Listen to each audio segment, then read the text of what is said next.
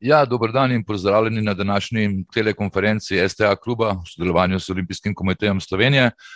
Z naslovom Novosti na področju dvojne karijere športnikov. V principu se bomo dotaknili dveh aktualnih tematik. Prva je priročnik Athletes Friendly Education Handbook, ki poteka v sklopu projekta programa Erasmus, in tudi danes bo zaključna konferenca v tem projektu. Drugo pa je slovenski projekt Certifikat športnikom prijazno izobraževanje ter znanstvene raziskave in osnove za certificiranje izobraževalnih institucij. Z nami bodo, pa ne nujno v tem vrstnem redu, doktor Mojca Dupona, generalna direktorica Direktorata za šport, vendarle je ministrstvo tisto, ki na koncu tudi potrdi, pomaga in odobri programe na področju šolstva in športa. Olimpijka in vodja Kariernega centra za športnike na Olimpijskem komiteju Slovenije, Petra Robnik. Olimpijski medalist in idejni pobudnik certifikata oziroma certifikata športnikom prijazno izobraževanje Iztok Čop. Nekdanji olimpijec in varuh športnikovih pravic Rožle Prezelj, pa iz prakse, izobraževalne prakse, ravnateljica Gimnazije France Prešeren v Kranju, Mirjam Bizjak, predstojnik izobraževalne enote za športno vzgojo na Ekonomski fakulteti Univerze v Ljubljani, Vinko Zovko, in pa tudi danes nov v naši družbi, nekdanji dekan Fakultete za organizacijske vede v Kranju, Marko Ferjan, ki pravzaprav prav tako iz prakse ve, zakaj, kako in kje je treba pomagati športnikom pri izobraževanju. Da orišemo celo situacijo in pravzaprav oba projekta, tukaj je glavni ekspert, naš sogovornik Petra Robnik, kot rečeno, vodja Kariernega centra za športnike na Olimpijskem komiteju Slovenije.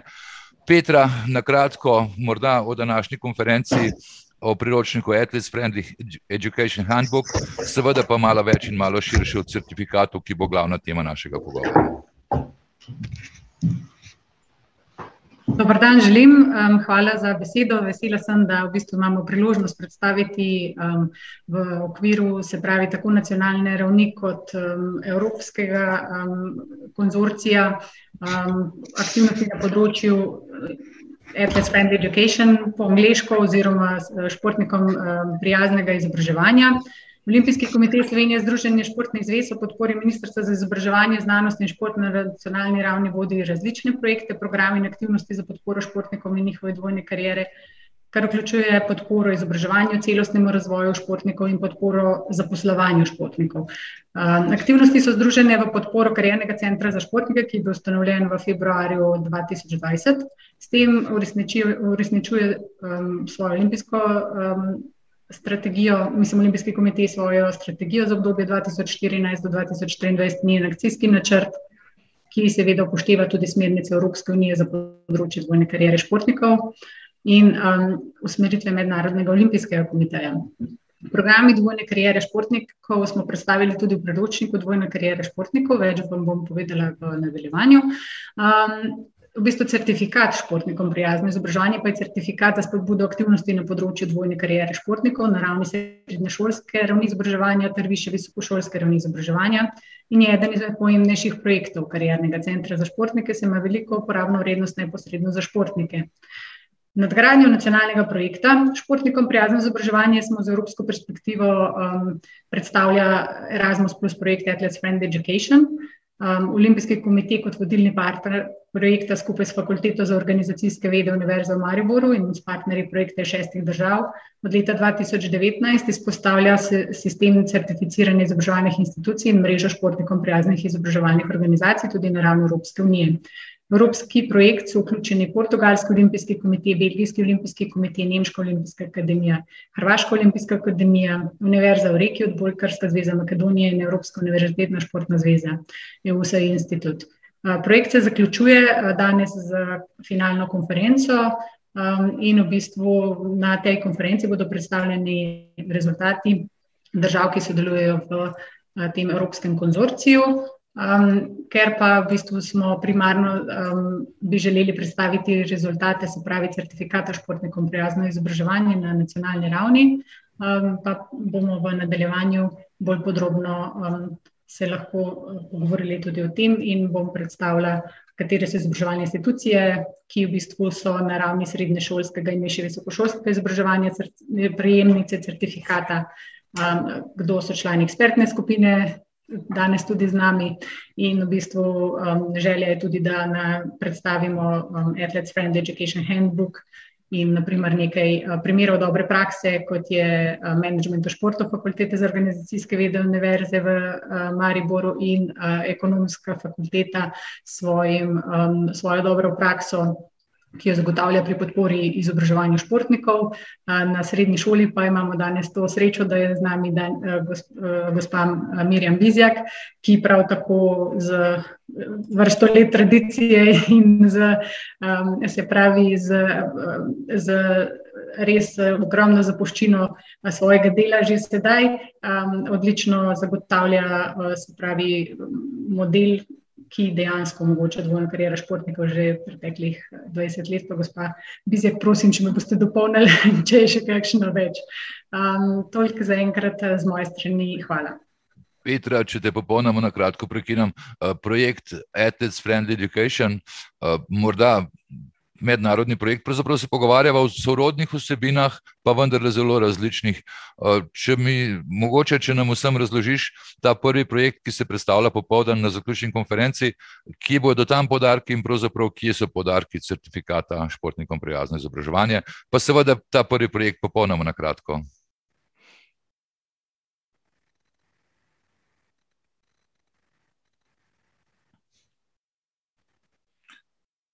Uh, Se upravičujem, ja. sodobnim izzivom naproti. Um, projekt Athletes Friendly Education, kot vidite, je v bistvu um, spletna stran, uradno tudi projekta. Uh, je dejansko projekt, ki na ravni um, uh, se pravi partnerskih institucij iz šestih držav vzpostavlja mehanizem certificiranja na ravni Evropske unije. Um, dejansko gre za pri projektu.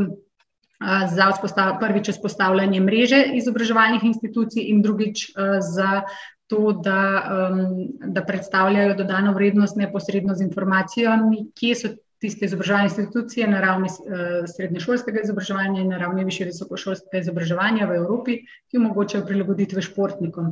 Um, zdaj, v sklopu tega, toliko je res zelo na kratko, v sklopu um, ključni, um, se pravi, rezultati oziroma viri, ki smo jih v tem uh, sklopu razvili, um, sta um, Athletes Friendly Education Book, uh, se pravi knjiga uh, Athletes Friendly Education, ki um, je bolj na znanstveno-raziskovalni ravni pripravljena, kako je, kak, uh, mislim, kaj, kakšni so od, atributi. Um, certificiranih izobraževalnih institucij um, in Athletes Friend Education Handbook, ki je pa um, bolj priročnik za v prakso, za izobraževalne institucije, za člane ekspertne skupine nacionalne, s katero bodo lahko v nadaljevanju tudi tiste države članice Evropske unije, ki nimajo vzpostavljenih mehanizmov za certificiranje, si lahko v bistvu uh, na ta način pomagale in imajo neko urodje za to, um, da bodo s primerljivim postopkom na minimalni ravni zahtevanje kakovosti eh, lahko uveljavljale pač eh, ta projekt eh, in certificirale izobraževalne institucije.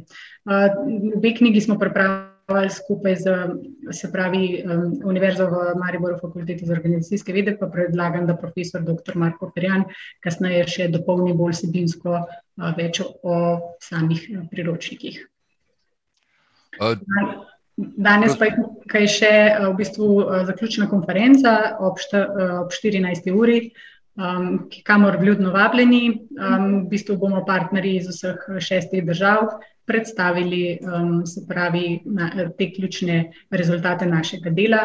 Um, in um, vljudno vabljeni že sedaj, vse informacije so objavljene tako na spletni strani Olimpijskega komiteja, kot tudi na um, se pravi spletni strani Athletes Friend Education. Petra, jaz sem prepričan, da imaš pripravljeno tudi kakšen, uh, kakšno delitev ekrana z nami za, na temo certifikata, kamor bova odšla zdaj. Uh, ta prva zadeva, ki se jo predstavlja, pravzaprav je dokaz, da je izobraževanje športnikov uh, tema, o kateri se pogovarja Evropa, o kateri se pogovarja svet, uh, da pravzaprav je že nekaj časa, odkar smo spoznali, da, da karijera vrhunskega športnika in izobraževanja, eh, da je to tež, težka zadeva, obe zadevi narediti pravzaprav sto odstotno. Eh, v prvi vrsti gre za znanje, ne za to, da športniki dobijo nek papir, ampak da se omogoči dostop do znanja. Zato imamo v Sloveniji vzpostavljen sistem certificiranja. Eh, kolikor sem seznanjen, pravzaprav že potrjujete v novič te certifikate. In to je slovenski projekt. Če greva na podarke slovenskega projekta certificiranja, ki nastaja na pobudo v resnici Olimpijskega komiteja Slovenije, pa tudi isto Kačopa, ki je tukaj z nami. Ja, v bistvu um, hvala za to, mislim, za to pobudo. Um, jaz ti predstavljam kar konkretne uh, rezultate našega dela, se pravi od vzpostavitve certifikata in prvega, um, se pravi javnega razpisa oziroma poziva za uh, izobraževalne institucije v letu 2017. Je dejansko na, na ravni, uh, se pravi, kot vidite, srednje šolskega um, in više uh, visokošolskega izobraževanja, že, že zelo obsežen nabor izobraževalnih institucij, ki dejansko so skozi dvofazni postopek, oziroma v prvi fazi priznanje za razvit pristop k spodbojanju dvojne karijere in zagotavljanju športnikov prijaznega izobraževanja in skozi drugo fazo evalvacije, kjer v bistvu preko strukturiranih intervjujev s predstavniki vodstva izobraževalne institucije, športnikov, ki se izobražujejo na posamezni šoli oziroma fakulteti in s izobraževalnim kadrom, ki dela s športniki. Se pravi, smo prepoznali, da so ta okolja res omogočajo tak nabor prilagoditev in različnih rešitev za športnike, um, in so iz tega naslova tudi prejemniki certifikata športnikom prijazno izobraževanje. Ker smo certifikat podeljevali v štartu za dve leti, uh, je bila potrebna zdaj za nekatere že postopek reevaluacije. Um, to pomeni ponovno vrednotenje, pa um, pač dokaz, da, um, da šole še vedno na enaki ravni zagotavljajo to podporo izobraževanju športnikov. Uh, zdaj, ge, generalno. Um, če bi mogoče, um, zdaj še dam še, uh, pogled še na više visokošolsko izobraževanje. Uh, generalno, če govorimo o številkah, je na, se pravi, um, celotna, celotna številka um, prejemnikov certifikata športnikom prijazno izobraževanje na ravni srednjih šolih je 24, na ravni um, univerze uh, v Mariboru, ki je kot uh, univerza prijazno prejemnica in um, se pravi fakult, um, in um, fakultet Univerze v Ljubljani, ki so posamezne prejemnice certifikata športnikom prijazno izobraževanje, je 34 izobraževalnih institucij. Um, število športnikov, vključenih v, v šolskem študijskem letu 2021-2022, pa je 1613 na ravni srednjih šol in 353 na ravni, um, se pravi, višje visokošolskega izobraževanja. Zelo smo ponosni, da v bistvu imamo 58 um, prejemnikov, uh, mislim, je 18, 58 prejemnikov in vlagateljev, bom rekla, ker so nekateri zdaj še v prvi fazi oziroma drugi fazi evalvacije um, certifikata športnikom prijazno izobraževanje in 49 dejansko izobraževalnih institucij, ki zagotavljajo um, podporo izobraževanju športnikov. Um, in v bistvu, ja, to so ti ključni podarki. Zdaj mi smo dobili okvirje, uh, okvirji stojijo, ukolikor imajo tudi ustrezne žige in podpore. Uh, pa preden gremo v prakso, preden gremo morda v tisti najbolj zanimiv del, kaj pomeni, kako se prilagajajo izobraževalne ustanove, kaj to pomeni športnikom, zakaj pobude, bi na tem mestu zaprosil kar dr. Mojco Dopona, direktorico direktorata za šport. Uh, Eh, da pove, kako je cel ta projekt, projekt zastavljen v odnosu do države. Ne na zadnje je ministrstvo tisto, ki na koncu te zadeve potrdi, ki s svojim priznanjem to vrstnega projekta. Uh, Omogoča tudi nagrajevanje, ki omogoča eh, nek odnos med slušatelji in predavatelji, iz katerega izhajajo obveznosti in pravice. Gospod Dopona, kje pa smo v tem odnosu projekta Olimpijskega komiteja, eh, velikega zanimanja izobraževalnih ustanov, pa seveda ministrstva, ki na koncu tak, to vrstne projekte potrjuje oziroma v, eh, v njih sodeluje ali pa tudi ne. Lep pozdrav vsem. Um, ja, zdaj To dvojno kariero lahko uh, urejamo z vidika države, pa seveda iz uh, dveh nivojev, um, iz vrha na vzdolj in pa seveda, kot je v primeru ta certifikat uh, športnikom za prijazno izobraževanje od spodaj na zgor. Se pravi, um, da to uh, prihaja pobuda iz uh, športne sfere, ne, kar je v primeru in seveda potem se ministrstvo uh, želi. Uh, seveda seznaniti s temi pobudami in je bilo seznanjeno v preteklosti, kar uh, pozdravljamo. Uh, ideja vsekakor je odlična, fantastična, bi lahko celo rekli, da bi imeli v Sloveniji uh, en tak certifikat, ki bi uh, lahko potrjeval, katere ustanove izobraževalne so na taki ravni, da zares omogočajo športnikom prijazno izobraževanje in hkrati seveda vzdrževanje njihove športne karijere, se pravi to dvojno kariero. Um, je, jaz samo ocenjujem, sicer, da je to uh, zelo zahteven projekt. Uh, ministrstvo se prav veliko to ni vključevalo, ker uh, nismo niti najbolj seznanjeni s tem, kaj so kriteriji uh, za podeljevanje tazga certifikata. Vsekakor, če podeljujemo certifikat, smo mnenja, seveda na ministrstvu, da, da če potrjujemo certifikat izobraževalnim ustanovam, uh, morajo seveda um, biti vključeni v to, strokovnjaki pač izobraževanja, ne, ne samo iz športne sfere. Zato seveda se v, z Olimpijskim komitejem dogovarjamo, kako izboljšati ta pristop, da bo ta certifikat res lahko dobil težo, um, ki bo ne samo dal neko težo iz športne stroke, ne, da se nam zdi, da je neka ustanova um, naredila nekaj za športnike, ampak bo, da dejansko bomo vedeli, um, kdo, katera ustanova ki zares zaslužijo, bo ti kriteriji zelo uh, jasni in da jih bo pač evalvirala v bodoče eh, komisija, ki strokovnjaka, kot kar neka akreditacijska komisija, recimo, ki evalvira programe, ne tako, verjetno se bomo mogli v prihodnosti, da bo ta trdnost tega certifikata in pomembnost večja, ne, tudi lotati um, tega projekta, uh, o katerem danes govorimo tudi sama ste bila aktivna športnica, se takrat v tem času izobraževala. Če pogledate, vse stalno so se razvijali ti odnosi med športnikom in pravzaprav izobraževalnim sistemom. Če ne vem, koliko ste seznanjeni s certificiranjem, ampak kaj po vašem mnenju v resnici prinaša lahko certifikat v primerjavi s stanjem, ki je znano danes, stanjem statusa športnika in iz tega izhajajočih pravic, pač v izobraževanju?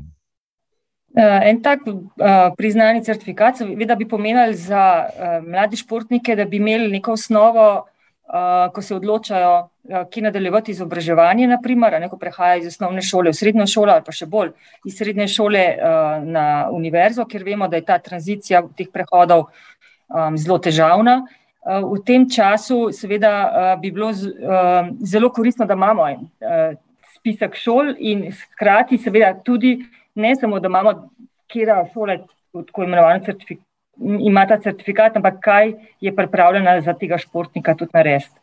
To se mi zdi, da, da od tle naprej moramo iti, da bomo točno vedeli, kaj so prednosti ene šole za športnika, ki obiskuje eno gimnazijo ali pa neko strokovno šolo, eno fakulteto od druge, kako lahko usklajuje, da se bo lažje odločil v teh Eh, kritičnih prehodih, ne kot rečeno, iz um, osnovne šole, srednje šole in predvsem iz srednje šole na univerzo. Se pravi, če vas prav razumem, certifikat, projekt pred certifikatom vam je zelo všeč, seveda pa bo treba vse te okvire, ki so postavljene, uskladiti na ustrezni ravni, preden pač lahko naredimo ta odločilni korak, dlje iz katerega pač izhajajo nadaljni odnosi, ki lahko zadevo zelo močno okrepijo in s tem tudi certifikat doseže svoj namen. Tako, ja sem vsekakor podpornica uh, tega projekta urejanja. Hvala lepa. Vrstni red je včasih težko izbirati, ampak uh, jaz bom šel kar do istega čopa. Nekje no, velja za pobudnika in uh, to vrstnih certifikatov. Uh, isto, popolnoma na kratko, da dobimo širšo sliko, zakaj, kje in odkot ideja, da bi šli v Slovenijo v smer certificiranja izobraževalnih ustanov.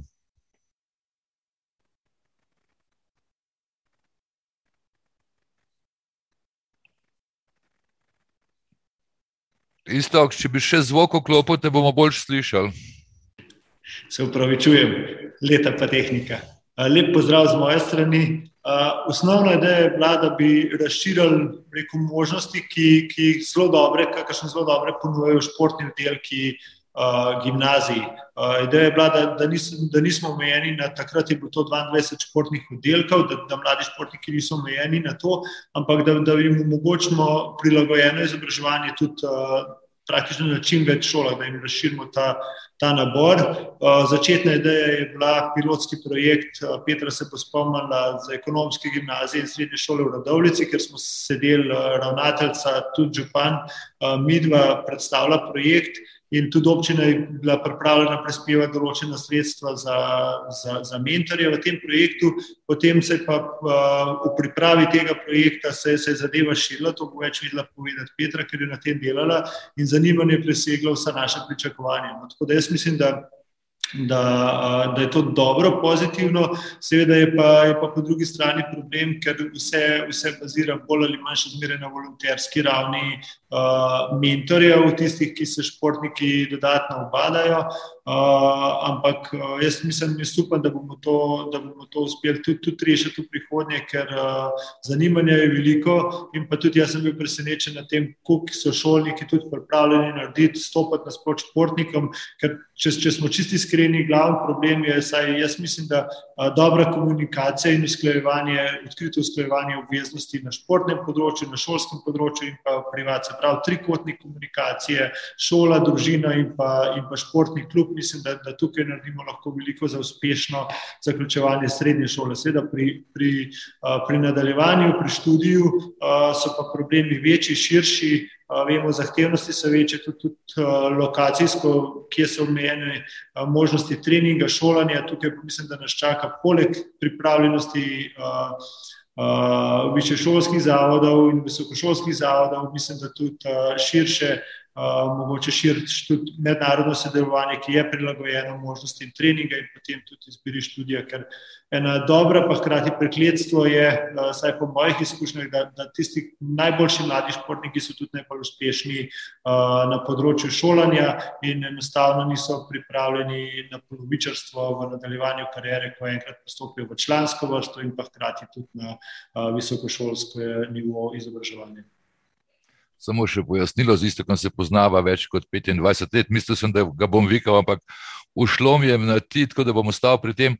Uh, isto, mogoče nekaj lastnih izkušenj. Uh, enostavno, uh, si dober športnik, uh, treniraš, hodiš v šolo. Kako pomembno je, da imaš športnik v pravem momentu pravo podporo v času odraščanja, v času rečva pubertete, v času želje po športnem uspehu. Če mogoče deli z nami nekaj lastnih izkušenj, kako pravzaprav takrat, a, a razmišlja mlad človek o šoli, koliko je pomembno, no, da, da, da ima nekje uh, neko lestvico, po kateri lahko pleza, ali pa neko pot narisano, označeno, ki sledi, da pravzaprav se mu olajša tudi pot do znanja. Ki na koncu, dobro, tvoja karijera je trajala precej, precej dolgo, pri večini ne, da lažje pristopi v življenje, pravzaprav uh, poklicno in da se ustali po, po, po koncu šport, športnega udejstvovanja. Uh, ja, mislim, da je ta problem večplasten. Uh, prvo bi rekel, da današnja mladina je precej bolj zrela, kot sem bil jaz, ali pa tudi lahko rečem, kot smo bili mi. To je bilo pred dobrimi 30 leti, ko smo bili v tem položaju. Ampak uh, tudi mislim, da kar jih jaz poznam uh, iz veslanja, iz kluba, ven, zelo resno jemljajo, jemljajo šolo in pa tudi obveznosti in pa pravice, da, da niti ne izkoriščajo toliko teh pravic, ki jim jih recimo športni oddelki gimnaziji ponujejo ogromno, ampak zadeve se lahko nabirajo in na koncu šolskega leta lahko postane problem.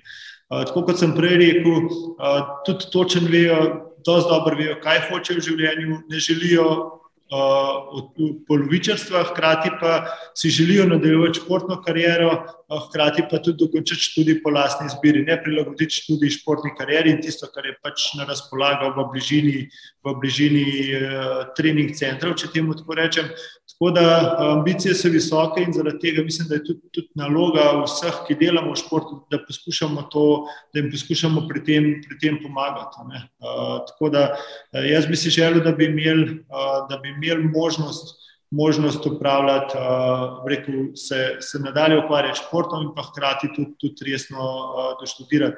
Ker potem ne samo študij, problem je tudi potem prehod na trg dela, sama izobrazba ni dovolj recimo v primeru podaljšanih karier, ki so rekel, vedno, bolj, vedno manj izjeme, ampak nekdo pri 35-40 letih, kljub dokončanju vseh šol, preko brez delovnih izkušenj je, je težko. In tukaj je potrebno, seveda, pripraviti na to športnike, da, da se poleg športa uh, tudi poklicno nekoliko angažirajo in pa hkrati tudi uh, pogoje na trgu dela vzpostaviti, kjer se jim omogoča in poseben režim.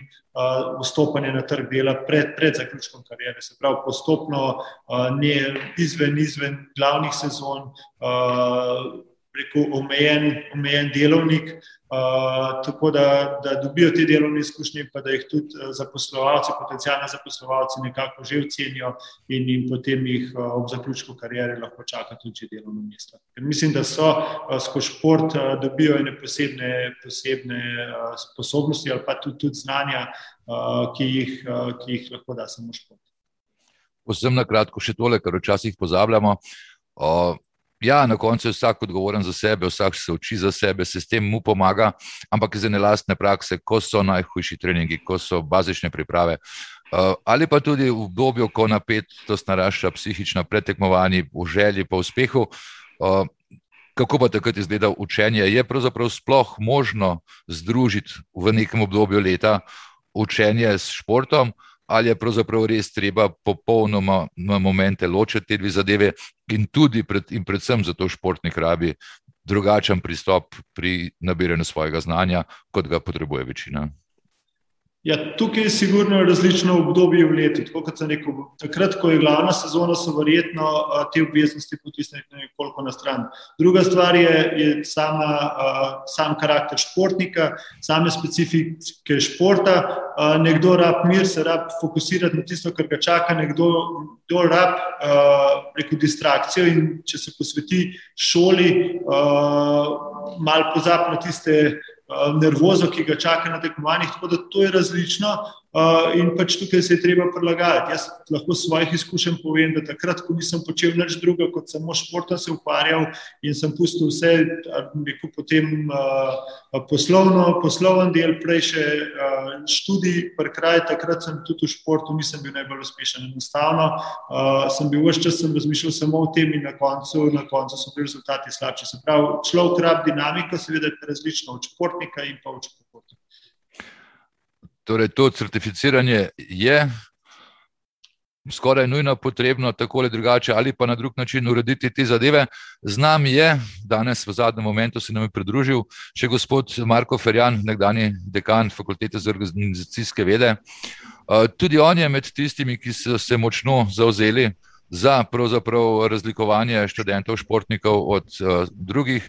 Na fakulteti ste spoznali, da Eh, so športniki, ki pravzaprav ne da težko izpolnjujejo obveznosti, ampak njihov ritem pa je toliko drugačen, da je treba prilagajanje. Zato ste tudi podpornik ideje dvojne karijere.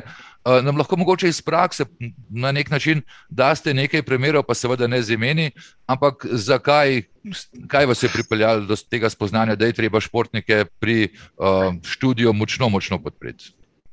Ja, uh, lep pozdrav, dober dan, Uh, hvala za povabilo. Torej, moja uh, vključitev v to zgodbo je bila posledica uh, nekaterih dogodkov, ki so se mi zgodili v funkciji dekana. In sicer na naši fakulteti je študiralo kar precej uh, uh, študentov, vrhunskih športnikov. Med njimi mislim, da štirje uh, prejemniki olimpijskih medalj olimpijade v Sočiju so bili ali so, ali so bili upisani diplomati. Skratka, morda smo celo neke vrste rekorderji po prejemu olimpijskih medalj na eni olimpijadi. Ampak zdaj pa zadeva je pa mičko malo drugačna, če jo pogledamo v detajle. In sicer uh, običajno je bilo tako da je študijska karijera športnika se pospešila ob koncu njegove športne karijere. To je povzročilo uh, kar nekaj težav, zato ker so se v mestnem času programi menjali in tako naprej. Skratka, in jaz sem pravzaprav zelo hitro ugotovil, da tukaj rabimo nek mal bolj sistemski pristop, da individualna obravnava tako študenta, športnika, kot profesorja, kot predmeta, ne bo zadoščala. Enostavno je bilo teh uh, primerov preveč, in jaz sem imel srečo takrat, da sem uh, naletel na žal pokojnega predsednika takratnega olimpijskega komiteja, to je gospod Janez Kocijančič, in smo se nekoč v neki pliki o tem pogovarjali. V bistvu tako sem jaz prišel v te vode in potem smo akreditirali ta študijski program, ki ima prilagojen kurikulum, prav celoten kurikulum, lahko rečem. Zdaj pa, če gremo po vrst. Torej, moje mnenje je, da je za to, da bi športnik na koncu uspešno doštudiral, potrebno prilagoditi vse elemente kurikuluma. Najprej, kaj je definicija uspešnega končanja študija? Seveda, prvič to, da diplomira, drugič pa tudi, seveda, obvezno to, da doseže vse cilje študija in da doseže vse kompetence. Ker če ne bo, če bo imel samo diplomo in ne bo dosegel ciljev, in ne bo kompetenten, bo na trgu delal potem uredno nič. Se pravi, moje izhodišče je bilo to. Seveda sem pa vesel, da sem naletel na gospoda Iztoka Čopa, in ki je nedvomno pobudnik te zgodbe, športnikom prijazno izobraževanje, in da sem naletel tudi na nekatere druge ljudi, in da smo potem se s to zgodbo malo bolj sistematično začeli ukvarjati. Tukaj bi se navezal na gospod direktorico direktorata za šport. Bi rekel takole, ja, torej pomisleki oziroma želje. moje trdno prepričanje je bilo, da je certifikat in pa celotno izvajanje zgodbe športnikom prijazno izobraževanje treba postaviti v neki kontekst, ki temelji na znanosti in stroki. In prav to smo poskušali narediti, seveda ob kombinaciji izkušenj in pa, torej izkušenj na področju izobraževanja in izkušenj na področju športa.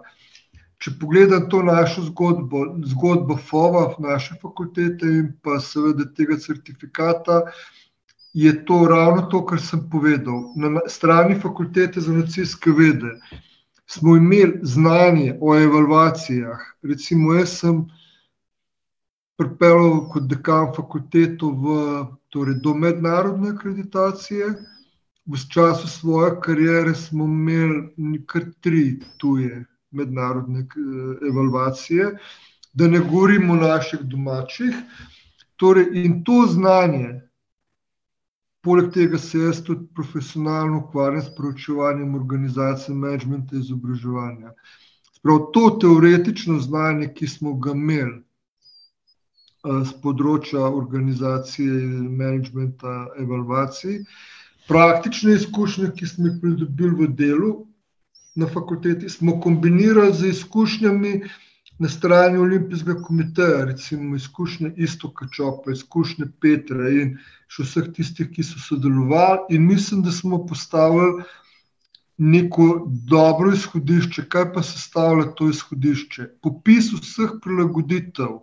Mi vemo, vsaj do velike mere vemo, katere te prilagoditve za vrhunske športnike so.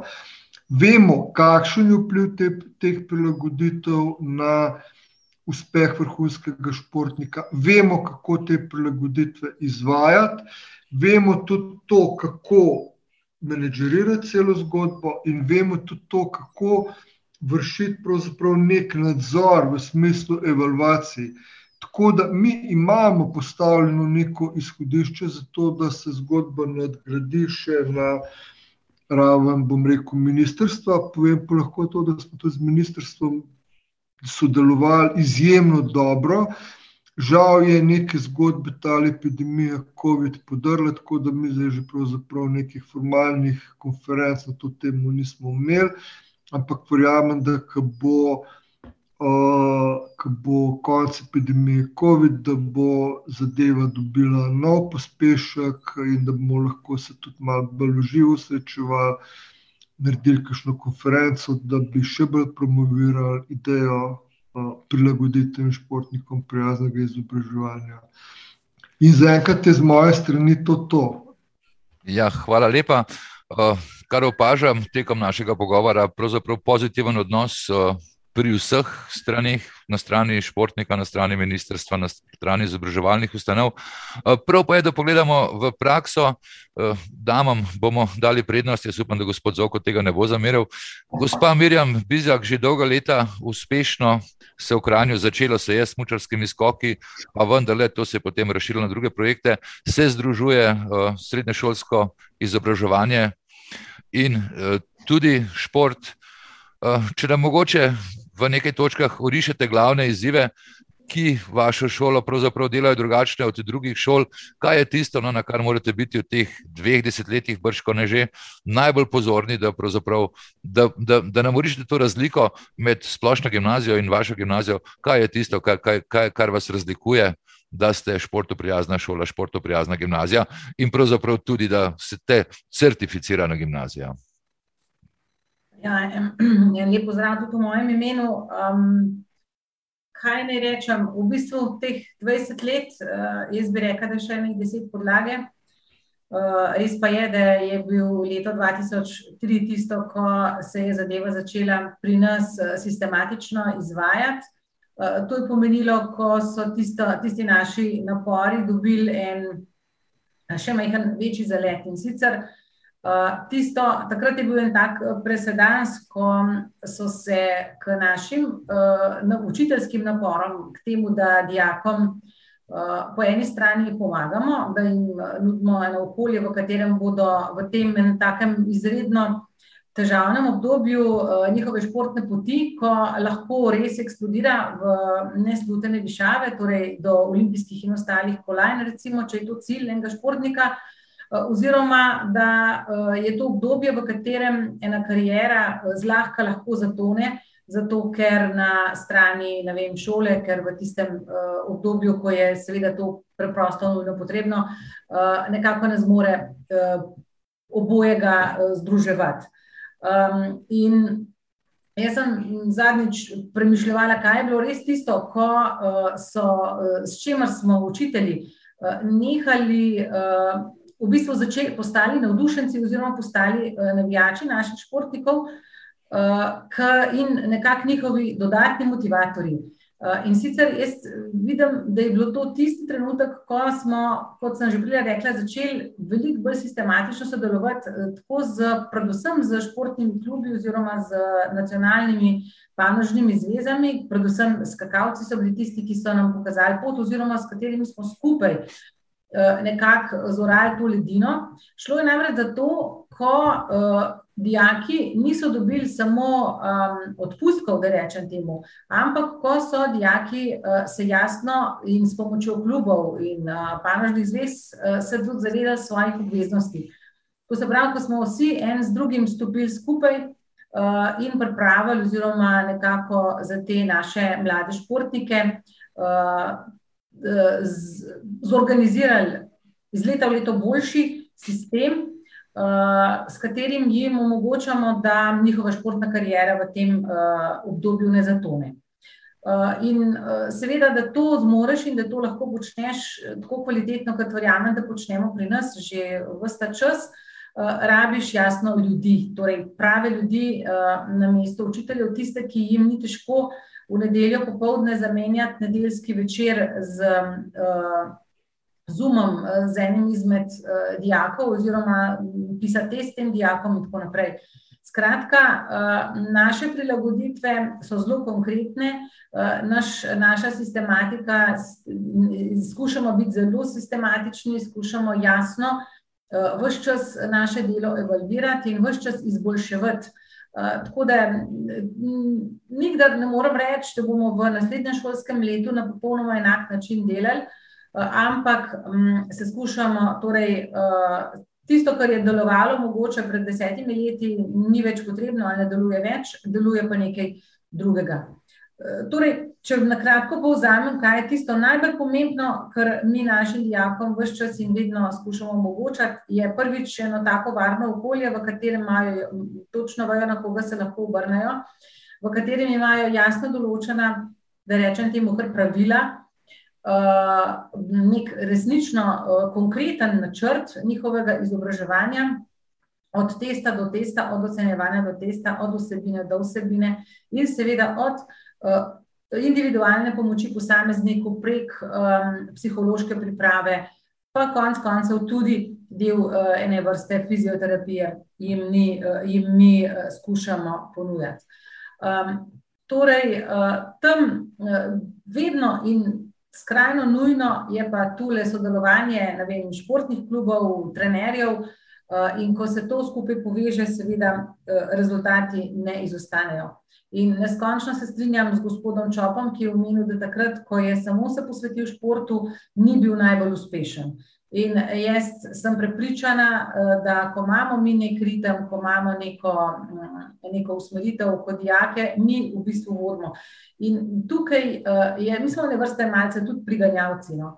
Uh, in srednja šola je mogoče eno tako obdobje, ko je to res neskončno pomembno. In če srednja šola kvalitetne temelje temu postavi, potem uh, je tudi na fakulteti tem dijakom, kot tako uh, tako sistematične podpore dejansko zlepa uh, ni. Um, um, tako v bistvu uh, bi pravzaprav. Rekla, da eh, se seveda tudi eh, podpiramo eh, ta certifikat športnikom prijaznega izobraževanja. Fino je, če je čim bolj konkretno napisano, oziroma se, če je čim bolj konkretno jasno, kaj je tisto, kar dijaki v enem danem trenutku potrebujejo in kaj je tisto, kar um, eno šolo loči recimo, od, od druge. Um, tako, kaj, po kaj po vaši oceni dodaja certifikat ostalim oblikam urejanja odnosa med športnikom in šolo.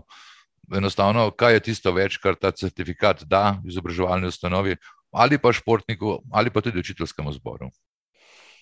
Zdaj, jaz bom rekla, da je Slovenija tako majhna, da se dokaj hitro ve, da se dokaj ve uh, na pamet. Nisem prepričana, da zdaj dijaki se čist samo, na, da se odločajo za eno šolo zaradi certifikata ali pa recimo, da se ne, konc koncev tudi lokalno zadeva zelo vezana.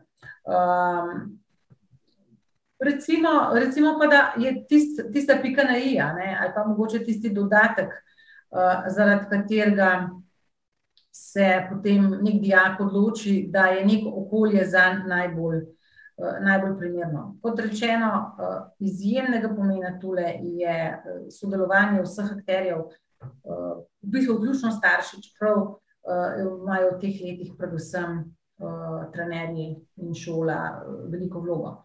Moramo meniti, da um, je se v zadnjem času, seveda, tudi sam pristop k delu športnikov, oziroma same, so se same prilagoditve v teh dveh letih, skoraj da, uh, dokaj spremenile. Uh, v bistvu tisto, kar smo še včeraj delali preko ne, uh, bom rekla, intuitivno, kar smo nekako uh, sicer poskušali upeljati, uh, je zdaj postala totalna realnost in v bistvu je za nas ta situacija, kolikor je težka za vse, še posebej pa za mlade in še posebej pa za dijake. Pomenila je en izredno hiter, napredek, naprimer, pri nas je konec koncev, prav vsaka ura za vsakega dijaka uh, dosegljiva v kombiju, na žičanci ali kjerkoli že. Skratka, vse ure, recimo, grejo v nek stream. Uh, nove, vedno novi prijemi, vedno novi prijemi se rojevajo, in um, jaz mislim, da moramo vse te prakse samo nadaljevati. V končni fazi se, so se tudi standardi in normativi nekoliko spremenili, kar pomeni, da bodo uh, odslej nekaj koordinatorstva deležni tudi uh, dijaki na uh, srednjih strokovnih šolah, kjer niso imeli nekih športnih oddelkov. Um, Čist, čisto na kratko, morda še tole. Omenili ste učiteljski kader, ki pravzaprav se mora prilagajati športnikom, uh, njegovim terminom, njegovim treningom, ki se mora usklajevati uh, s klubi, s trenerji. Uh, povejte mi, kako težko pa je najti tak kader. Kje ga pravzaprav? To ni nekaj samo po sebi umevnega, no, da nekdo popoldneve, večere, nedelje uh, nameni temu, no, da si, bom rekel, nakoplje dodatno delo, oziroma da z veseljem opravi svoje delo, tudi v tem terminu, sicer, v katerem je bil sicer prost. Ja, eh, to mislim, naše izkušnje, oziroma eh, Dejstvo je, da gre v tem primeru za eno izjemno težko nalogo. To pomeni, da vem, iz, skrajno skrbno izbiramo naš kader, sploh tiste, ki se naknadno vključujejo v ta kader. Malce sreče je seveda tudi tukaj le potrebno. Predvsem pa nekako, ko je dosežena zadost velika kritična masa, torej zadost veliko število učiteljev, ki uh, prvič razume dijake in drugič nekako živi z njimi, ki, ki jim niso breme. Učitelji večinoma uh, imajo uh, dijake oziroma svoj poklic zelo radi. Uh, zelo um, učiteljem res. Večinoma res lahko zaupamo. Uh, njim ni do tega, da bi ne delali kvalitetno, da bi da bi dijaki, njim, njim veliko pomeni, da, dijaki, da so dijaki uspešni. In mnogo krat imajo zaradi tega, če so neuspešni, tudi lastne osebne neke travme, neke, eh, neke stiske. Um, in ko za dost veliko, veliko število učiteljev dojame, da ni taka drama, če nekdo prestavi eh, test, eh, če nekdo prestavi ocenjevanje, to se namreč dogaja. Uh, stalno predstavljanje, stalno pri, pri športu gre za pri treniranju in pri, in pri tekmovanjih gre za velike odsotnosti, ki so večinoma nenadne, mnogo krat nenadne. Um, in takrat uh, je izjemnega pomena sama sistematika, sistematičnost, urejenost, uh, to se pravi korektna pravila na ravni šole, kjer se jih vsi zavedamo, na eni strani dijaki svojih pravic in po drugi strani ali pa še bolj svojih dožnosti. Pravilo brez posledic ni pravilo, to se pravi tudi, da, da so neke konkretne uh, Um, posledice v primeru, ko se dijaki striktno ne, vem, ne držijo enih, uh, enih pravil oziroma nekih dogovorov, in ko učitelji ugotovijo, da se dijaki držijo dogovorov, da dijaki počnejo tisto, kar uh, so se dogovorili, da ima njihova individualna ura z nekim dijakom učinek, uh, ko tisti učitelj uh, tistega dijaka tudi pogleda na tekmi. Uh, ko z veseljem objavi na svojem lastnem Facebooku, na šolskem, seveda, skozi, uh, um, uh, uspehe naših dijakov, ko se nekako poistovetijo s tem, da to, to, to postanejo malce tudi njihovi uspehi. Um, in kot sem rekla, ko je zadost veliko število učiteljev na tej strani, potem uh, ni več tako težko razporejati učiteljskega zbora v začetku šolskega leta in ostane en drobec učiteljev, ki jih recimo v športni oddelek nekako ne, ne bi bili. Ampak skoraj se ne spomnim ta trenutek nobenega, ki mu ne bi mogla zaupati tudi tega. Ta podatek je lep.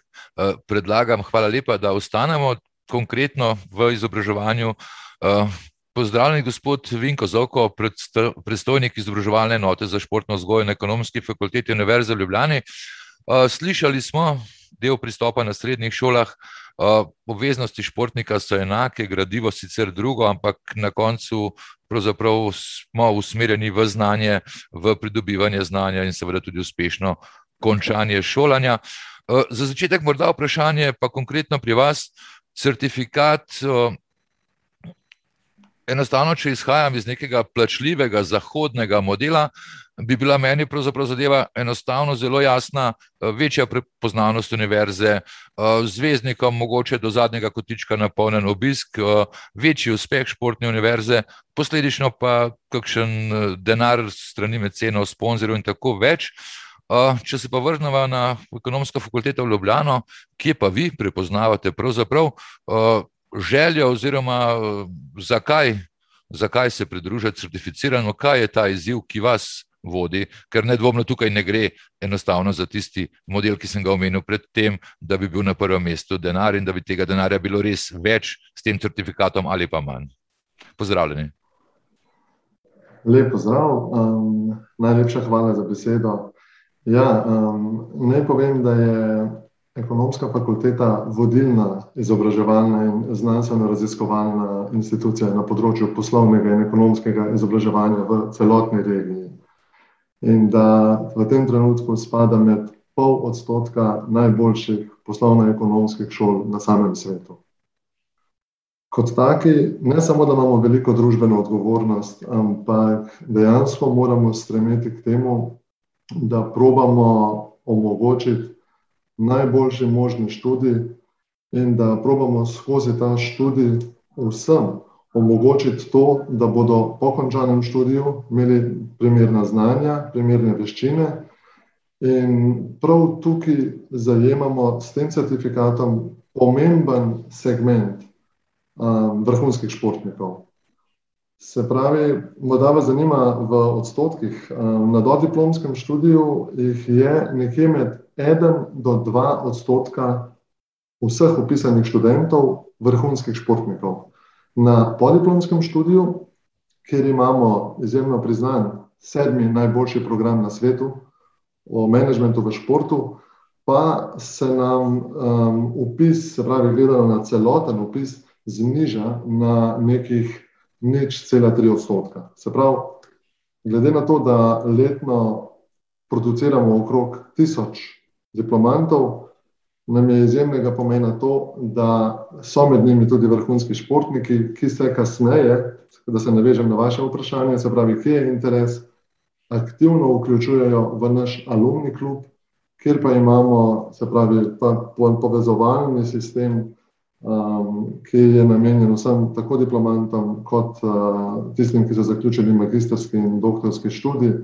In tam si lahko pogledate na internetni strani, koliko nekih dogodkov, koliko kejsov, koliko različnih predavanj in tako naprej je v ta sistem notri vključeno. Seveda pa vrhunski športniki tukaj dodajajo izjemno, izjemno um, vrednost, saj so z stekom svoje športne karijere se veliko mrežili, imajo kontakte, imajo neka specifična znanja, ki seveda v menedžmentu in pa ekonomiji tudi zelo koristijo. Samo da vas dopolnim, tudi meni je bil ta klub alumni do pred kratkim neznan, ampak v principu gre za mreženje vaših nekdanjih eh, študentov, ki pravzaprav sodelujejo, pomagajo drug drugemu in odpirajo tudi drug drugemu vrata v kasnejšem poslovnem življenju, kar je pravzaprav morda celo največja vrednost. Uh, ki ste jo uspeli dodati siceršnji vlogi fakultete. Ampak, če se vrnemo popolnoma na kratko, naj morda mi pa lahko kar naštejete nekaj športnikov, ki so pri vas in kaj pravzaprav pomeni prilagajanje judoistu, karateistu, nogometašu ali pa smučarju. Ker Če sem bil prej pri srednji šoli v Kranju, je mogoče srednješolski proces vendarle še malce drugačen. Samo en segment športnikov je, ki je že na najvišji ravni, pri vas pa pravzaprav, kdo ima status tovrstnega športnika, eh, je tudi reprezentant, ki ima pa eh, neodložljive obveznosti v članski športni karieri. Kako pravzaprav uspete to prilagajati, kaj pravzaprav jim nudite in kje so največji izzivi, s katerimi se srečujete? Tako, ja. Zelo dobro, zelo dobro vprašanje. Um, imamo malo sreče, da je narava našega študija drugačna, kot je morda na kakšni fakulteti, ki je naravoslovna in kjer imajo mogoče laboratorijske vaje, kjer jih je skoraj ne mogoče spustiti, in ko si odsoten za nek daljši čas, imaš velik problem. Um, pri nas smo ustanovili virtualni športni razred, ki združuje vse študente s statusom vrhunskega športnika. In ta razred vodi in koordinira redni profesor z fakultete. In zdaj tukaj na celotni, na celotni fakulteti gre za nekih 40 vrhunskih športnikov, in on se dejansko individualno njim posveča in deluje kot neka, kot neka vez med študentom in pa posameznim profesorjem, če slučajno pride do kakšne težave. Ne povem, da imamo res en kolektiv, ki je izjemno povezan in, in vsi skupaj, tako top-down kot bottom-up, delujemo k temu, da omogočimo športnikom res to prijazno izobraževanje.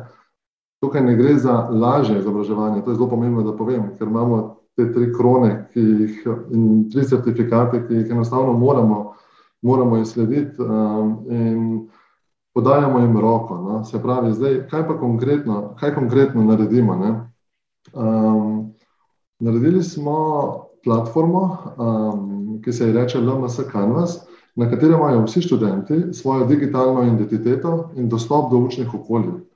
In vse izvedbe predmetov imajo svoje strani prav naložene na tej platformi. In ta platforma študentom s statusom športnika omogoča, da so tudi nadaljavo ali asinhrono v stiku za, izva, za izvajalcem predmeta in lahko potem preko njega komunicirajo in sodelujejo z vsemi študenti na predmetu, ki so dejansko v tem trenutku v razredu. Um, študenti so oproščeni obvezne prisotnosti na predavanjih in vajah. Če študent ni mogel upraviti nekih različnih oblik sprotnega preverjanja znanja, mu nosilec predmeta zmeraj omogoči upravljanje končnega izpita. Na tak način, da lahko nek bonus, ki bi ga mogoče prej pridobil, tukaj nadomesti. Na to seveda smo dostopni za individualno pomoč preko konzultacij Skypa, um, omogočamo prvo upravljanje izpita izven razpisanega roka. Se pravi, prej je bilo omenjeno, ne, da vrhunski športniki so dejansko res um, zelo organizirani in kot taki, jaz vam moram povedati, da res nimamo težav z njimi. Ko se enkrat odločijo za rok, ko se to dogovorimo, lahko je izven razpisnega roka, takrat se pripravijo, naučijo in v veliki, veliki meri uspešno upravijo izpite. Um, imajo tudi pravico do podaljšanja statusa, če je to potrebno. Um, mogoče kot zanimivost pa naj povem, da imamo tudi nek pester izbor študentske prehrane, zdrave prehrane, namenjene športniku, se pravi na fakulteti, in da jim, in da jim tudi omogočamo, se pravi, neko napredovanje v ta naš program menedžmenta v športu, ki je, kot rečeno, zelo priljubljen. Tako da, na kratko, toliko. Se pravi, ob izrednem profesorskem zboru, ste se potrudili najti še neke malenkosti, s katerimi skušate pomagati in izboljšati položaj. Nedavno, še zadnji, rožle prezel, pozdravljen. Uh, eden tistih, no, ki je šel skozi cel ta program, srednješolski, visokošolski, uh, ki se je srečal z dvojno kariero in vsemi izzivi in težavami, ki se pojavljajo. Uh, Rožle, enostavno ena ocena, eh, na kaj je možno reči, pravzaprav srednja šola, eh, visoka šola, eh, fakulteta. A so te zadeve, recimo, se vas je tukaj več, no, ampak mi dva sva se najda tudi za to tematiko, urejene tako, da športnik se lahko organizira, znajde, kje so pomankljivosti, kaj so bonusi in kakšna je lastna izkušnja vsem tem. In dodajva še to, no, da ste tudi uspešno doktorirali na univerzi, tako da poznate celo prehojo na pot. Uh, ja, lep pozdrav tudi v mojem imenu. Najlepša hvala za vabilo. Um, jaz bi se predvsem na ta zadnji del uh, osredotočil, predvsem na mojo izkušnjo, ki je pa seveda tudi povezana z vsem tem, uh, kar je bilo že predtem rečeno. Um, tudi navezal bi se v, v štartu, pa kot izhodišče, tudi na isto, ki je rekel, da v bistvu, kadar delaš dve stvari, si načeloma bolj uspešen. Tega sem, to je tudi moja izkušnja. In uh, recimo, kot primer lahko povem, da sem pisal tekst, uh, test na pravni fakulteti, čez dva dni sem pa tekmoval na Evropskem prvenstvu in sem bil tam usvojil deveto mesto. Tako da v bistvu je to samo eno potrdilo, da res dejansko to gre. Zdaj, moja izkušnja, jaz imam relativno, tako bom rekel, pozitivno izkušnjo s celotnim sistemom. Vendar je pa moje zaznavanje tega predvsem to, Eh, da um, neke ta formalne pogoje oziroma formalne možnosti prilagajanja, še bolj kot to, pa je pomemben, kar je tudi uh, ravnateljica gimnazije Franceta Priširna izpostavila, je pa ta afiniteta um, pedagogov do športnika. Ne, da, in um, predvsem tukaj. Pa mislim, da je ta človeški faktor igra veliko vlogo, ki jo pač tudi ta pravila, oziroma te sistemi ali pa certifikati ne, dajo, ne morejo nadomestiti. In um, to je, recimo, jaz vem, da um, recimo, če izpostavim samo pravno fakulteto, uh, um, na nekaterih segmentih je bilo lažje, na nekaterih segmentih je bilo pa težje, um, recimo, nekako vzpostaviti nek konstruktiven dialog z, z, z, z tistim, ki je pač vodil nek predmet. In predvsem bi rad izpostavil, da predvsem v tem usklajevanju šole ali pa izobraževalnega procesa z, z, z um, kariero športnika je zelo pomembna ta pragmatičnost tudi uh, učiteljev, um, da v bistvu se oni pri podajanju snovi in pri zahtevanju, kaj zahtevajo na testih, pomembna ta.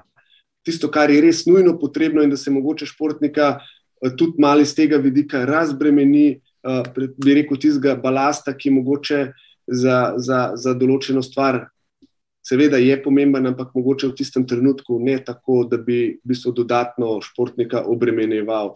Um, seveda, to je pač ta um, osebni vidik, se pravi osebni element posameznika, kakšna je njegova afiniteta do športa in kako z nasnov tudi podajati. In to se mi zdi, da je tukaj tisto, kjer je, še, veli, kjer je še nekaj prostora.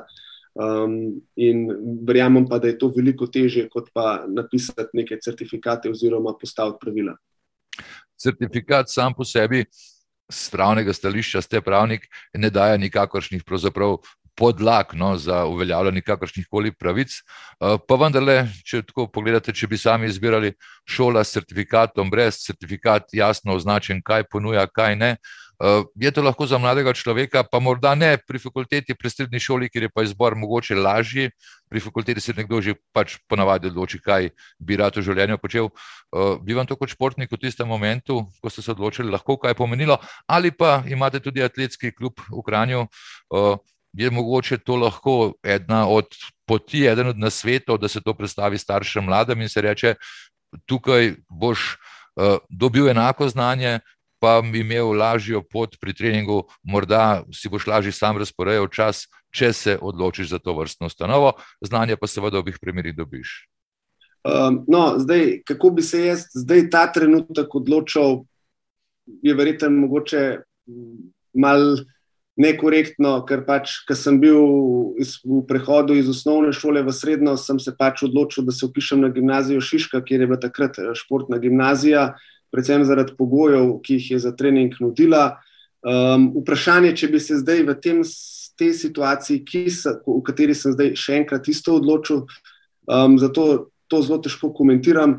Je pa res, da uh, seveda mi tudi uh, sodelujemo z gimnazijo Franceta Priširna in meni se zdi vse, da če. Um, Pa ne bom rekel samo športniku. Če so otroku omogočene neke možnosti, da bo lažje izdružval, se pravi, pa ne govorimo samo o vrhunskem športu, ker šport ni samo vrhunski šport, pa samo vrhunski rezultati, ampak je tudi to neka naložba za prihodnost, za zdravje, za socializacijo, ne, gled, tudi za pridobivanje teh vrlin, ki ti potem v, v poslu pridejo prav. Um, jaz seveda vse spodbujam, da ne se upišajo na gimnazijo Franceta Prišelec, pač zato, ker smo mi v Kranju, ker bojo lažje usklajevali in bo mogoče jim bojo pridobili tisto znanje, ki ga bojo potrebovali, obenem bojo pa mogoče lažje usklajevali in bojo zaradi tega imeli mogoče lažje se udestovali v treningih ali pa tudi v kakšnih drugih področjih, ki so pomembna za njihov razvoj. Tako da vse je to zelo dobrodošli, so te, te, te podpore. Um, in um, seveda, nek, nekomu to pride bolj prav, nekje, nekomu manj. Um, v osnovi se mi pa zdi pomembno to, in to je pa tisto, kar se je treba zavedati, da športne gimnazije ali pa te uh, um, ugodnosti ne smejo vplivati na pridobivanje znanja. Se pravi, znanje je tisto, kar na koncu šteje, kaj ti potegneš. Seveda je tukaj, kot sem omenil, tudi ta pragmatičnost, ampak tukaj pa ne sme biti to, uh, rečemo, te um, odpustki. Um, uh, Recimo, ne smejo iti na račun znanja, ki ga športnik pridobi. To je najpomembnejši element pa da ne bova predolga, čisto na kratko, prihodili ste celo pot uh, dvojne karijere. Uh, pomemben del je ob šolanju tudi za poslovanje. Uh, čisto na kratko, če se dotaknemo te zgodbe, na kakšen način, pravzaprav, kaj je teže, kaj je lažje. Ena zadeva je pridobiti šolsko znanje, potem pa isto, če prožle prijezel in še kdo, ki ima dolgo športno kariero, pa tega danes seveda ne bomo rešili, ampak mogoče da opozoriva na eno odprto problematiko za prihodnjič, za drugič, pa tudi tukaj je morda kdo, ki nas sliši, pa bo morda na kakšnem primernem mestu lahko sprožil neko novo pobudo. Uh, izzivi, če rečemo, za poslovanje v odnosu do šolanja, ki je pravzaprav so večji bili pri vas v dvojni karieri? Uh, zdaj, če jaz izpostavim svojo pot, ker se mi zdi, da dvojna karijera športnika je zelo individualna, um, vsak je mal drugačen. Jaz moram reči, da, da sem se z večjimi težavami srečal, oziroma še, še zdaj srečujem, uh, predvsem za te prehodom v drugo kariero, ker, uh, kot vemo, čas je edina omejena dobrina, katere se ne da kupiti, pa ne da pridobiti na noben način. In, in v bistvu težava je, kot je že tudi tisto, ki izpostavil, v bistvu na trg dela, pa ne glede na to, kakšno stopno izobrazbe imaš, vstopaš pri 35-40 letih. Um, življenjske potrebe so drugačne, takega športnika oziroma človeka, če ga takrat gledamo. Um, tam si začetnik, brez izkušenj, brez poznanstva v, v poslovnih vodah. In, in mislim, da je to, bom rekel, iz mojega vidika, veliko večji izziv in veliko težje, kot pa v bistvu samo usklajevanje študija in, ali pa šolanje ali pa pridobivanje izobrazbe. Um, kot pa seveda ta drugi del, se pravi vstopa na trg dela, se pravi nekih subjektivnih in pa tudi objektivnih omejitev, ki jih uh, pač športnik takrat doživlja. In tukaj moram izpostaviti, kar sem tudi večkrat, da je predvsem v tem delu zelo tanka meja med tem, da športnik uspešno se transformira v drugo kariero in med tem, da obupa in pač um, se znajde v težavah. To sem, sem samo dotaknil sem se te tematike, ker pač. Uh, Moje mnenje pač je, če ima športnik uh, ob svojem vrhunskem športu čas za izobraževanje in ko ga uspešno zaključi, v primeru, da je tudi še naprej športnik, bi morda v primernem sodelovanju, pa bom zdaj rekel, uh, ministrstvo, kjer je zaposlen, olimpijskega komiteja, sponzorjev, mogoče našel tudi nek drobec časa za nabiranje prvih delovnih izkušenj, za mreženje, za spoznavanje ljudi, ampak se pravim, te tematike sem se samo dotaknil ne vem, ali se tukaj lahko strinjava, ko neko zaključiš fakulteto, ko še vedno treniraš, pa so termini, so obdobja, kjer bi pravzaprav lahko tudi športnik se preizkusil v drugačnem življenju in dobival potrebne delovne izkušnje, predvsem pa poznanstva in pa tudi kakšno povezavo za naprej. No, seveda, to je vsekako res. To je tudi pač isto, kot pred mano omenil, ne, da ta dve, dve, sploh v drugem fazu ali pa zaključku uh, uh, športne poti. Um, Je to pomembno, in, in tudi je treba, po mojem, na tem več delati, oziroma več tega podarka. Hvala lepa. Čas nas že malo priganja. Jaz bi se na koncu vrnil še enkrat k Petri Robnikovi, ki pravzaprav koordinira vsta projekt Petra. Jaz eh, mislim, da smo danes se vsi strinjali, da gre za projekt, ki ima široko podporo tako strani športa, kot strani ministrstva, eh, kot tudi strani vseh izobraževalnih ustanov. Pa preden se posloviva, morda samo še nekaj povsem praktičnih podarkov, no, ki jih ta certifikat ponuja in morda še nekaj okvirjev, na koliko časa se pravzaprav zadeve potrjujejo, se pripravljajo že kakšne novosti, spremembe, kje smo v tem trenutku in kaj je tisto, saj vidimo, da odnos je od vseh pozitiven, kar bodo prvi koraki, ki, ki jih nameravate narediti v prihodnjih dneh, tednih, pa po novem letu seveda aktivno naprej. Ne? Ja, hvala lepa. V bistvu sem zelo vesela, da je ta podpora različnih deležnikov um, bila tudi strani vsakega posamezno uh, prepoznana kot dodana vrednost. Uh, mislim, se pravi, projekt certifikat športnikom prijazno izobraževanje. V bistvu um, to kaže tudi število izobraževalnih institucij ki, ki pač so prejemnice certifikata. Seveda se želimo nadgraditi, eh, najprej v osnovi je ta projekt kot eh, zamišljen kot eh, prepoznavanje dobrih praks, pa okolji, ki pač omogočajo prilagoditve. Zdaj pa bistveno prerasel, kot je dr. Mojca Dopona v bistvu že izpostavila. Um, in si želimo, da tudi tukaj na ravni direktorata za šport oziroma Ministrstva za izobraževanje, znanost in šport se pravi ne samo, da, da tako kot, smo, kot je bil prvoten namen projekta Certifikat športnikom prijazno izobraževanje, prepoznati okolje in izobraževalne institucije, um, ampak um, se pravi um, preko tega, da je prvič sistem obveščanja in informiranja športnikov pred odločitvijo, katere izobraževalne institucije ima boljše pogoje za izobraževanje, se pravi z namenom, da športniki dokončajo najmanj srednje šolsko stopno izobraževanja. In drugič, da dodajo pozitivno dodano vrednost izobraževalnim ustanovam na način primerjalne prednosti kot osnova za merila za dodeljevanje sistemskih sredstev na področju podpore športnikov in njihove dvojne karijere. Tukaj je ta uh, zadnji del, ki sem ga omenila, se pravi, uh, kot osnova za merila za dodeljevanje sistemskih sredstev, uh, se pravi, je prepoznan interes ministrstva, um, prosim, doktor Mojco dopolno, da me dopolni um, pri tem še. Um, jaz povzamem to, kar v bistvu so bili predhodni pogovori. Uh, prav tako, da bi tukaj se pravi z bolj um, še bolj sistematičnim pristopom, urejenim pravilnikom oziroma nadgrajenim, nadgrajenim pravilnikom za certificiranje in sodelovanjem z ministrstvom lahko zagotovili, se pravi, tudi bolj formalen okvir za, za to. Želimo vsi pa seveda to dobro prakso, ki smo jo prepoznali skozi vse evalvacije, ker smo zdaj v bistvu z njo več ali manj seznanjeni eh, člani ekspertne skupine certifikata športnikom prijazno izobraževanje, da to tudi se pravi, da, da vsako izobraževalno institucijo, vsak eh, šolski študijski program, ki pač omogoča različne prilagoditve, to tudi eh, predstavimo preko spletne strani, preko zavihka dvojne karijere športnikov in v bistvu je dostopno športnikom, njihovim staršem, trenerjem, pač kdorkoli ima možnost se pravi pogledati. Zdaj smo, do zdaj smo spostavili uspeli vzpostaviti, naprimer, kontaktne osebe, da športnike usmerjamo neposredno na, na šole, pa fakultete. Če imajo, naprimer, vprašanje, tukaj si pa želimo tudi to predstaviti, dobro prakso pri podpori izobraževanju tudi javnosti.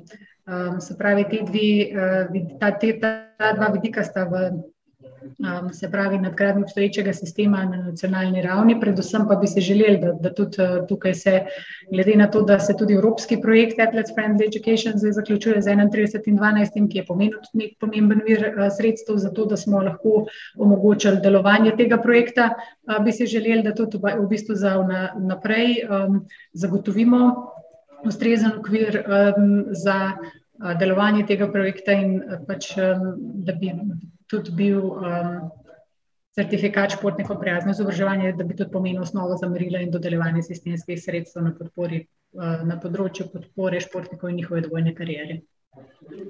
Ja, mojca dopona, bili ste neposredno izzvani, čeprav mislim, da ste že se strinjali s certifikatom na način, da je zadeva super fina, samo pač, da jo pač treba uskladiti. Uh, morda še enkrat za konec, vaše mnenje, certifikat, ministrstvo.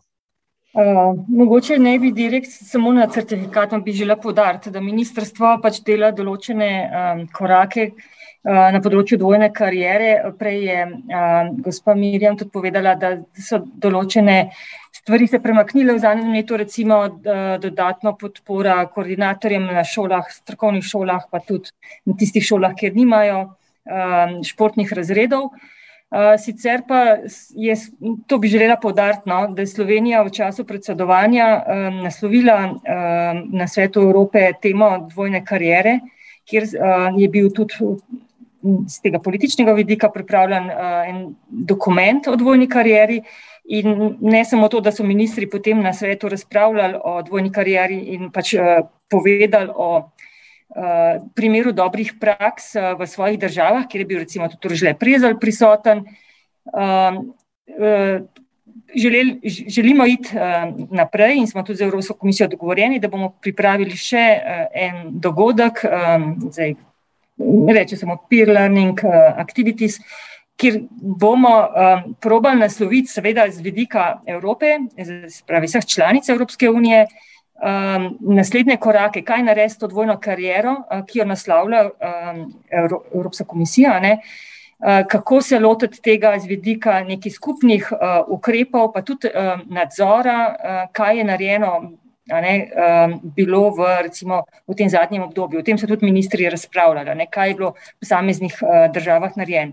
Zdaj, žal, ne, nismo, mogoče ne je bila to tudi kriva uh, pandemija, ne, nismo v Sloveniji uspeli tudi glede tega certifikata, o katerem smo danes govorili, najti več um, skupnih uh, stičišč, ali pa da bi država zares pač imela tudi tukaj odločilno vlogo ministrstvo ne, pri predelovanju, če bi želeli, da bi to nekako res globalno imeli, bilo priznano v Sloveniji, vsekakor moramo ta korak v naslednjem obdobju narediti, a ne na tem svetu. Evropa, ministri pa žal, recimo, kot dobre prakse, to še nismo prepoznali. Ampak verjamem pa, da, da lahko v, tem, v nadaljnih korakih, v tem naslednjem dogodku, pa govorimo tudi o tem in morda najdemo podporo tudi pri ostalih um, državah članicah Evropske unije. Hvala lepa. Torej, vsekakor gre za projekt, ki ima široko podporo.